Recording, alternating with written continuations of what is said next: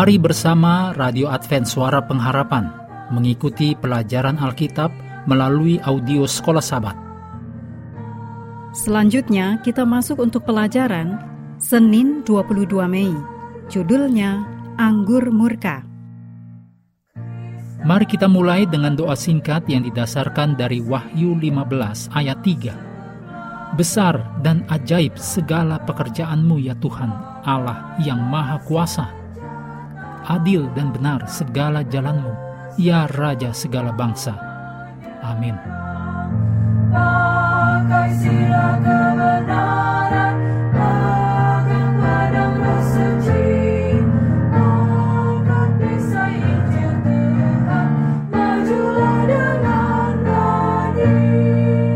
Wahyu 17 ayat 1, 2, dan 15 juga Wahyu 18 ayat 1 sampai 4 menunjukkan luasnya pengaruh Babel, yaitu seluruh bumi.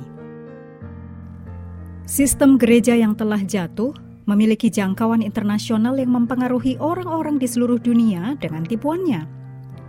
Iblis sangat marah karena Injil akan diberitakan kepada setiap bangsa, suku, bahasa, dan kaum dan Injil Kerajaan akan diberitakan di seluruh dunia. Jadi setan menggunakan setiap penipuan yang mungkin untuk memikat pikiran penduduk bumi. Demikian ditulis dalam Wahyu 14 ayat 6, Matius 24 ayat 14, dan Wahyu 17 ayat 2.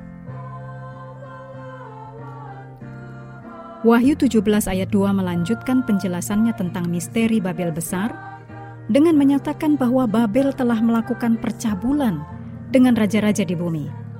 Apa itu percabulan atau zina?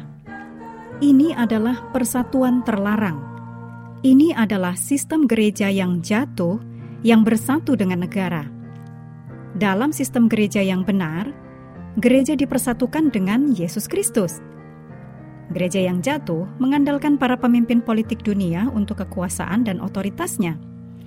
Gereja yang jatuh ini meminta negara-negara agar menegakkan keputusannya gantinya menerima kekuasaan dari Yesus sebagai kepala yang sebenarnya, gereja yang jatuh ini mencari dukungan dari negara-negara. Wahyu 17 ayat 2 melanjutkan penggambaran yang dramatis. Dan penghuni-penghuni bumi telah mabuk oleh anggur percabulannya. Simbolisme sari buah anggur yang murni digunakan di seluruh perjanjian baru untuk melambangkan darah Kristus yang tak tercemar dan murni yang dicurahkan untuk keselamatan kita di kayu salib. Dicatat dalam Matius 26 ayat 27 sampai 29. Dalam Lukas 22 ayat 20, Yesus berkata, "Cawan ini adalah perjanjian baru oleh darahku yang ditumpahkan bagi kamu."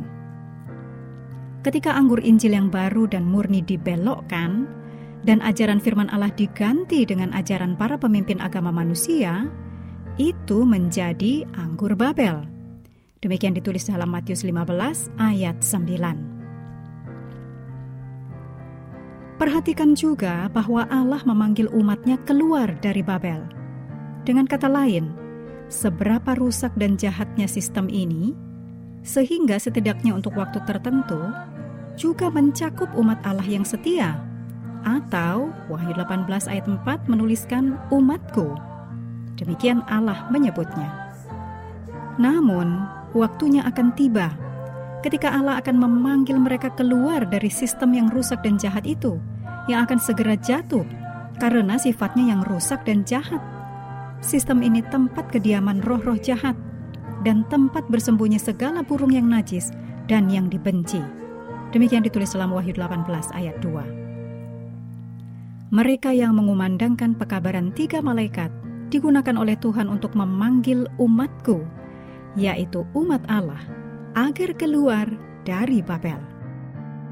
Mengakhiri pelajaran hari ini, mari kembali ke ayat hafalan dalam Wahyu 17 ayat 14. Mereka akan berperang melawan anak domba, tetapi anak domba akan mengalahkan mereka, karena ia adalah Tuan di atas segala Tuan dan raja di atas segala raja.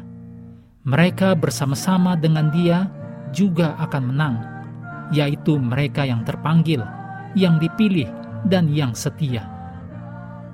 Kami terus mendorong Anda mengambil waktu bersekutu dengan Tuhan setiap hari, bersama seluruh keluarga, melalui renungan harian, pelajaran Alkitab sekolah sabat, juga bacaan Alkitab sedunia, percayalah kepada nabi-nabinya, yang untuk hari ini melanjutkan dari Mazmur pasal 16. Kiranya Tuhan memberkati kita semua.